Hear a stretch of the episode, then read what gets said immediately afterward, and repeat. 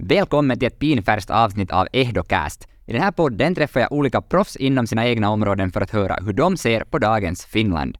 Vi diskuterar vardagen ur deras glasögon, utreder behoven som finns och hur vi ska göra Finland till ett ännu bättre land att bo och leva i. Mitt namn är Frans Villanen och jag ställer upp i riksdagsvalet i Vasa valkrets för SFP.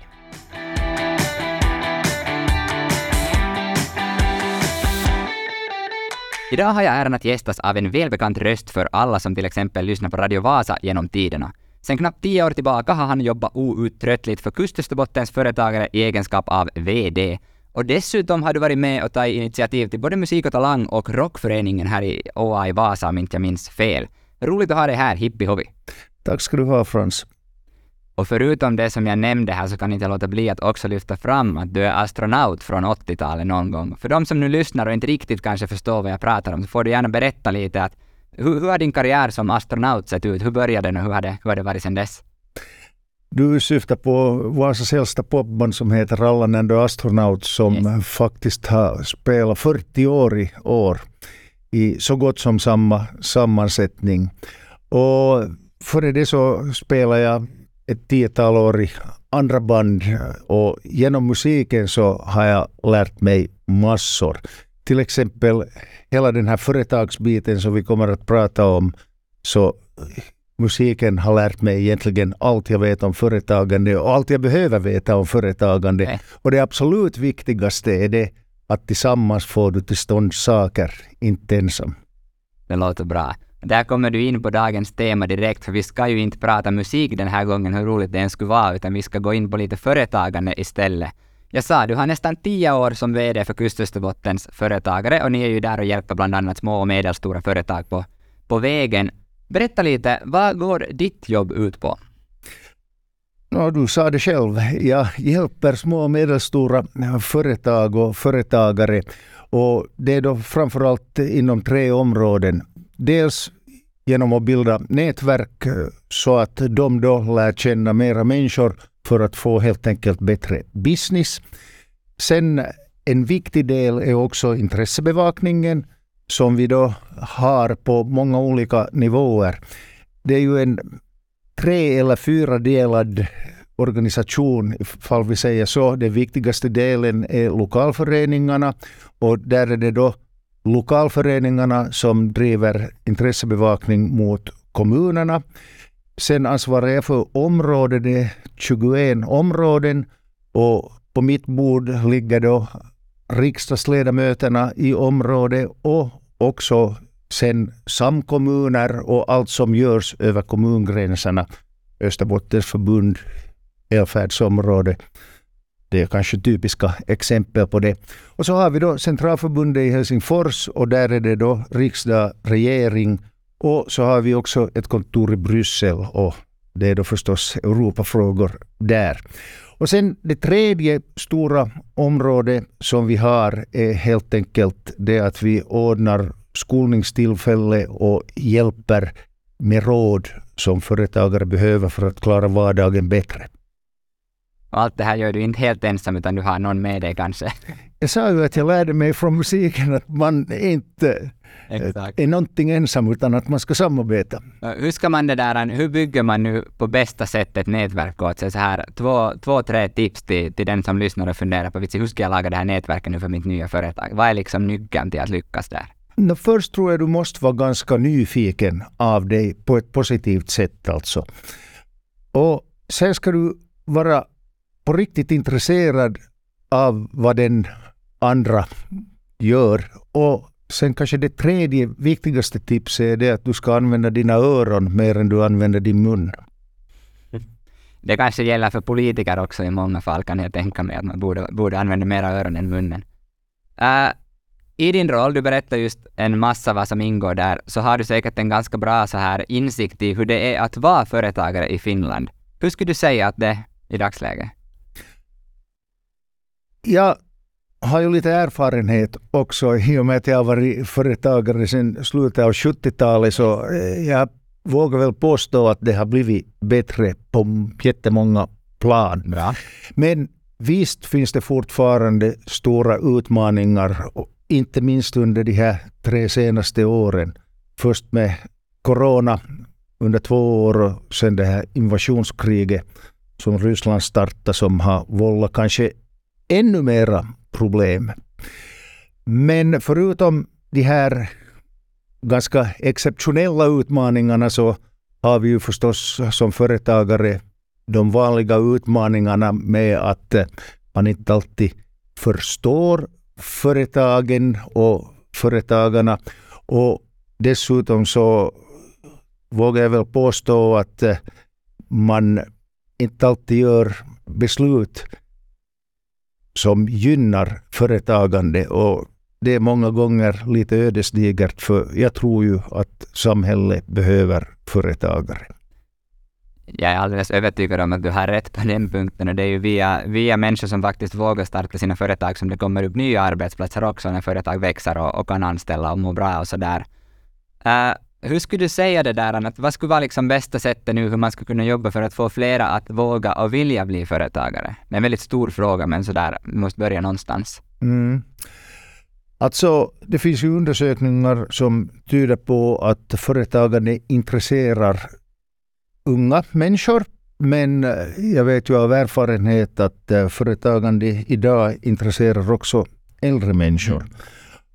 Det som jag tror att kommer att hända är det att i framtiden så kommer vi att se ett samhälle där människor jobbar parallellt. De är anställda en tid, de jobbar som företagare en tid, går tillbaks till att vara anställd eller så jobbar de parallellt med båda.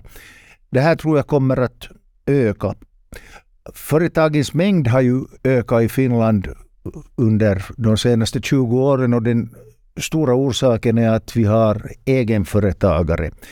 En del kallar dem ensamföretagare men ingen jobbar egentligen ensam. De jobbar i nätverk fastän de är sina egna. De vill inte bara anställa folk.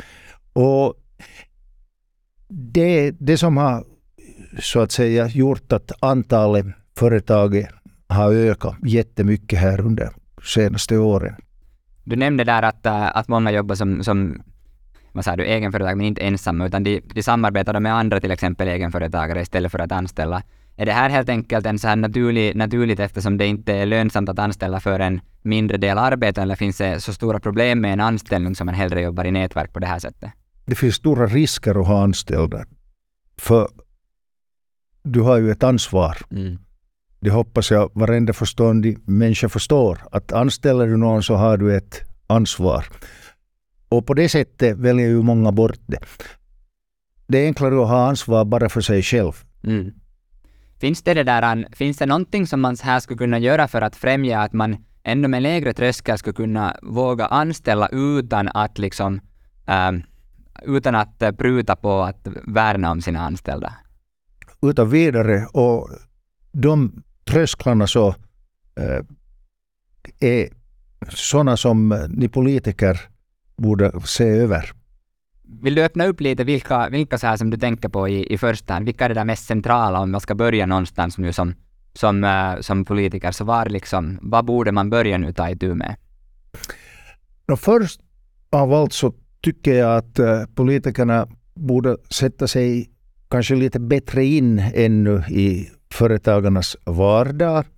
Och med det så tror jag att de får en större förståelse om riskerna. För det finns alltid risker i företagande. Sådana risker som många politiker har aldrig kommit i kontakt med. Mm. Förstås har vi som tur många politiker som har varit företagare och är företagare som kan det här. Men så har vi ju då också en stor del som aldrig egentligen har kommit i kontakt med det här. Framförallt då det gäller konsekvenser av besluten som man tar och vad det betyder då för ja. företag. Beskattning är ju alltid en sån här fråga som diskuteras. Bikostnader för att ha anställda, skyddet för de anställda. Det finns ett spektrum, ett stort spektrum. Du kom in lite på beskattningen där och det, det får egentligen tankarna till en kompis som jag var träffade för några, några veckor sedan. Han var uppe i Vasa och hälsade på, som eh, för några år sedan grundade ett, eh, ett flyttföretag de flyttar helt enkelt Tavara. Om du Mm. flyttar från en lägenhet till en annan, från ett hus till ett annat, så då kan du ringa så kommer de. Och han sa att eh, vad han tyckte är att man till exempel skulle på riksnivå borde eh, göra, göra de här nya företagen momsfria under första åren, så de skulle få mera kapital in i företaget, att kunna snabbare växa och också få mera människor in där. Och, och på det sättet menar han att det skulle gynna gynna liksom eh, också Finland som helhet, att småföretag skulle växa snabbare. Finns det någonting, någon bra logik bakom det här eller är det en dum väg att gå? Det här med mervärdesskatten har ju diskuterats ganska länge och framförallt gränsen. Den är ju nu på 15 000 euro och det är ju många som skulle gärna säga att den skulle vara minst 30 000 Ja. euro. Det finns en sån där rättviseaspekt eh, om vi tänker oss att en egenföretagare förtjänar 45 000 euro i året. Hur ser den företagaren på att en som börjar och förtjänar kanske ännu mera skulle vara befriad från momsen. Ja. Så det är en komplicerad fråga, men eh, det här som du var inne på, så det kan hända att det skulle fungera som en boost. Men man är också rädd för att folk börjar spela med de här gränserna sen. Finns det något annat sätt som vi skulle kunna kicka med beskattningen som skulle kunna vara mer rättvis, så där som ni har liksom, som i jobbet till exempel diskuterar och så där som skulle kunna vara en, än det som jag just, just lyfte fram som en tanke? Och som företagare så det allra viktigaste är det att eh, du kan liksom lita på att eh, den är på en nivå som man vet ordentligt i tid. Inte så att det kommer en massa nya saker som gör den här beskattningen strängare. Det vill säga att den borde vara förutsägbar. Sen så nu inför valet diskuteras det ju ganska mycket kring beskattningen och där är ju då företagarna i Finland och jag själv också av den åsikten att eh, vi har inte riktigt råd att höja beskattningen för företagen. Nej, och jag erkänner för egen del, jag är ändå relativt eh, ung och oerfaren ännu, har drivit som enskild näringsidkare företag i två år, blir det som en bisyssla vid sidan av jobbet, men det är liksom inte någonting att prata om i företagartermer på det här sättet, för det är en så småskalig verksamhet jag har.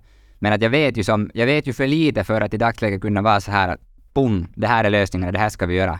Och det är också egentligen en av grundtanken till varför jag har hela den här podden och bjuder in människor som du och, och så här för att lyssna på och höra hur man borde göra och så där. Så jag värdesätter faktiskt att du har tagit dig tid att, att komma hit.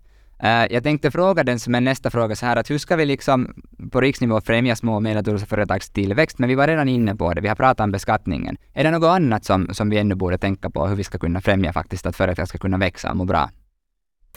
Då en sak som diskuteras mycket förutom beskattning nu är ju den här arbetsmarknaden. Och där har vi ju länge förespråkat lokala avtal. För då man till exempel ser på den här våren nu med strejker och strejkhot så inte för det ju saker och ting framåt. Nej, det är ju som många från, från övriga länder som kan förundra sig över hur det är som så enkelt att strejka så mycket i Finland som det faktiskt gör. Men, men vad skulle du säga då om, ponera att jag skulle vara en, en vänsterförbundare och säga att vi kan inte gå in för lokala avtal, att det blir, som, det blir så skit för en, för en vad heter det, anställda i så fall. Vad skulle du ge som svar på ett sånt påstående? Jag är på din sida, men jag tar, kastar fram den ändå. No, vi kan glömma alla sådana här motsättningar tycker jag, men eh, det finns ju alltså evidens på det att småföretag tar jättebra hand om sin personal. Faktiskt igår så berättade vi i offentligheten om resultaten från SMF, Företagsbarometern. Och än en gång, fastän förväntningarna har blivit sämre, så hålls arbetsplatserna kvar inom småföretagarfältet. För man vill hålla kvar sin personal, Mm. man uppskattar den personalen. Och det förs ju diskussioner på lokal nivå hela tiden i de här företagen. Man klarar sig bra genom att eh, kompromissa och förstå varann. Ja.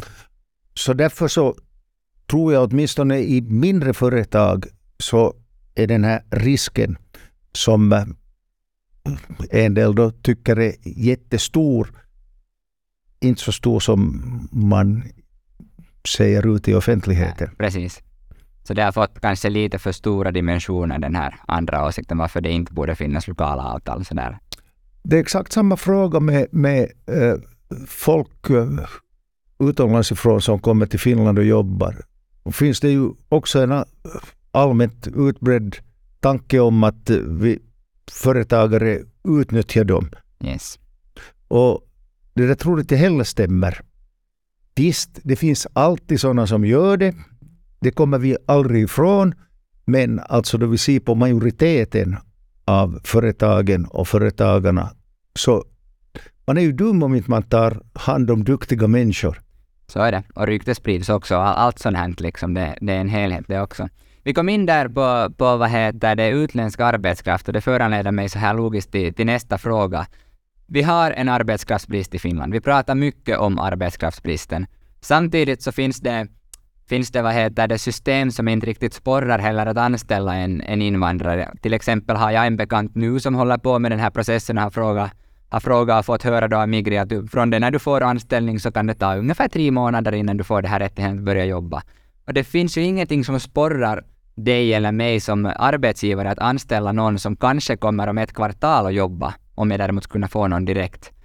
Hur mycket pratar ni om arbetskrafts, eh, vad heter det, arbetskraftsbristen och, och det här i, i era, i era vad heter det, rum där ni diskuterar? Jättemycket i och med att det här är ett stort problem för hela vårt område och du har helt rätt. Det är byråkratiskt, det tar länge och företagarna är ju ganska otåliga. De vill ju att saker och ting ska hända med samma. Det här är ingen offentlig instans, här gör man saker, det går undan. no, igen, jag sätter inte eh, offentligheten emot företagen, men eh, visst, det skulle få gå mycket snabbare och det borde gå mycket snabbare. För den här bristen, så det finns ju inga tecken på att eh, den skulle försvinna någonstans. Tvärtom, mm. andra vägen. Om vi ser till exempel bara på vården så behövs det ju mera händer. Det är precis som du säger med vården och, och att det behövs mycket anställda där. Samtidigt så pratar, pratar en del, eh, kanske främst ett parti också, om det att det finns en massa arbetslösa finländare, att vi borde få jobb till, till de här människorna först. Och det är klart att det låter ju det låter ju konstigt att vi har många arbetslösa finländare och samtidigt har vi en massa företag som skriker efter arbetskraft. Och det här möts inte. Vad tror du att ligger bakom den, den grejen? Det är ju många saker och det är ju en olycklig situation. Men fast vi skulle få gänget som går utan arbete in i arbetslivet så behöver vi i framtiden yes. ändå folk utifrån. Det, är alltså en ganska enkel ekvation. Bara man lite också kan matematik och man behöver verkligen inte vara något geni. Och orsaken är ju den att eh, vi blir äldre, det föds lite barn. Minus 20 000 ungefär förra året. Bra, du kan din statistik. och, och, eh, det betyder att eh, det finns liksom inga andra vägar att gå. Sen om jag då drar det till ett eh, lite mera regionalt och lokalt plan så jag vill ju tro att eh, till exempel Gigavasa-planerna förverkligas och det är folk här räcker ju inte till och det är kanske svårt att locka folk annanstans från i Finland så fast vi gör det så behöver vi folk utifrån. Så är det. Det är bra att du lyfter fram just Gigavasa. Det kommer komma många arbetsplatser där. Och det har jag funderat på själv också, att hur det var förut. Att, uh, förut det där ändå två generationer bakåt från mig, så då for man där jobbet fanns. Du for över potten till Sverige om det, fann, om det inte fanns jobb i Finland och du var beredd att flytta efter arbete. Men det känns som att vi, vi är lite bekväma finländare nu för tiden. Vi flyttar inte sådär bara efter arbete för vi har det ganska bra. Och då, det är ju också en, det är kanske en skild diskussion sen då om vi har det för bra eller inte, vi går inte in på det.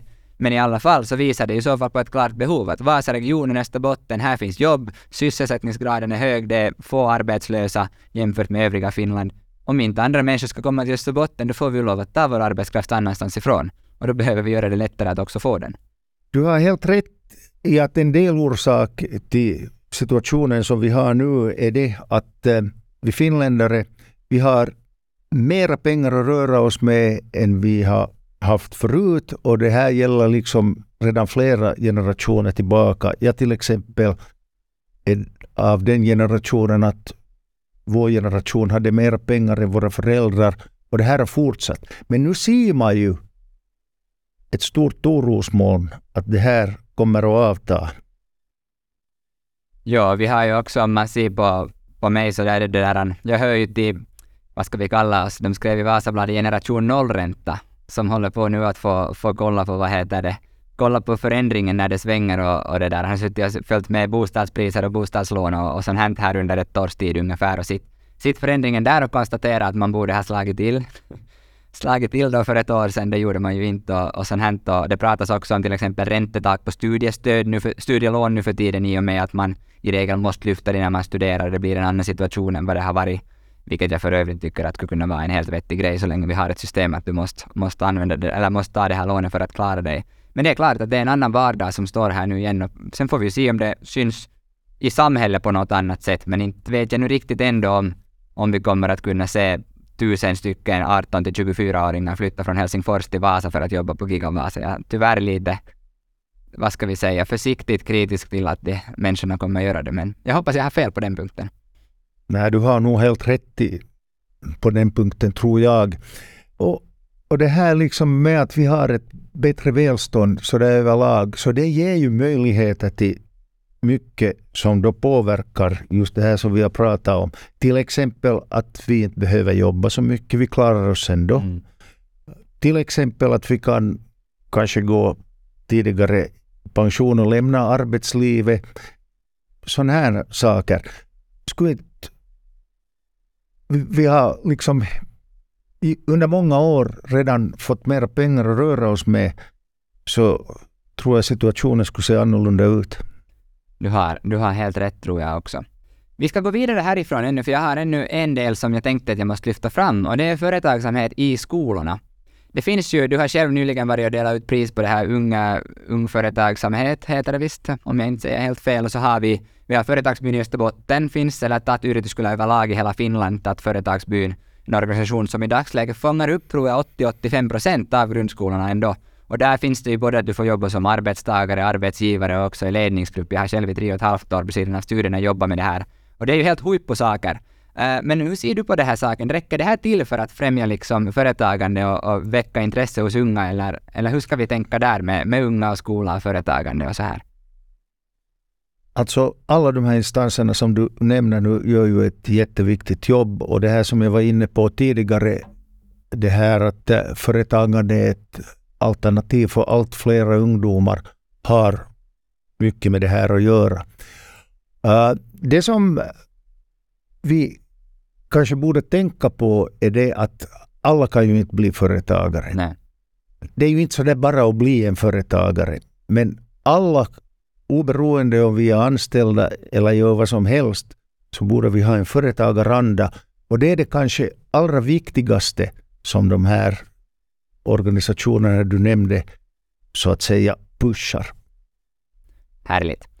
Uh, så måste jag ännu fråga, vi har pratat nu om mycket utmaningar och, och sån här liksom, vad ska vi säga, problematisera samhällssituationen för företagare. Men vi kan ju inte avsluta det här på det sättet, utan vi måste ju vända på steken mm. också. Berätta lite, vad är det bästa med att vara företagare idag? Vad har vi för fördelar och så här? Varför ska man bli företagare? Nu kanske jag tar mig själv som exempel. Två saker. Ena är en sån här frihet som du har men man ska ju komma ihåg att med frihet kommer det också alltid ansvar. Och sen det andra är att du får då i och med den här friheten möjlighet att forma dina dagar som du vill. Det har varit det viktigaste för mig då jag har valt att vara företagare så gott som hela mitt vuxna liv. Okej, okay, jag jobbar då precis som du sa, snart tio år för företagarorganisationen.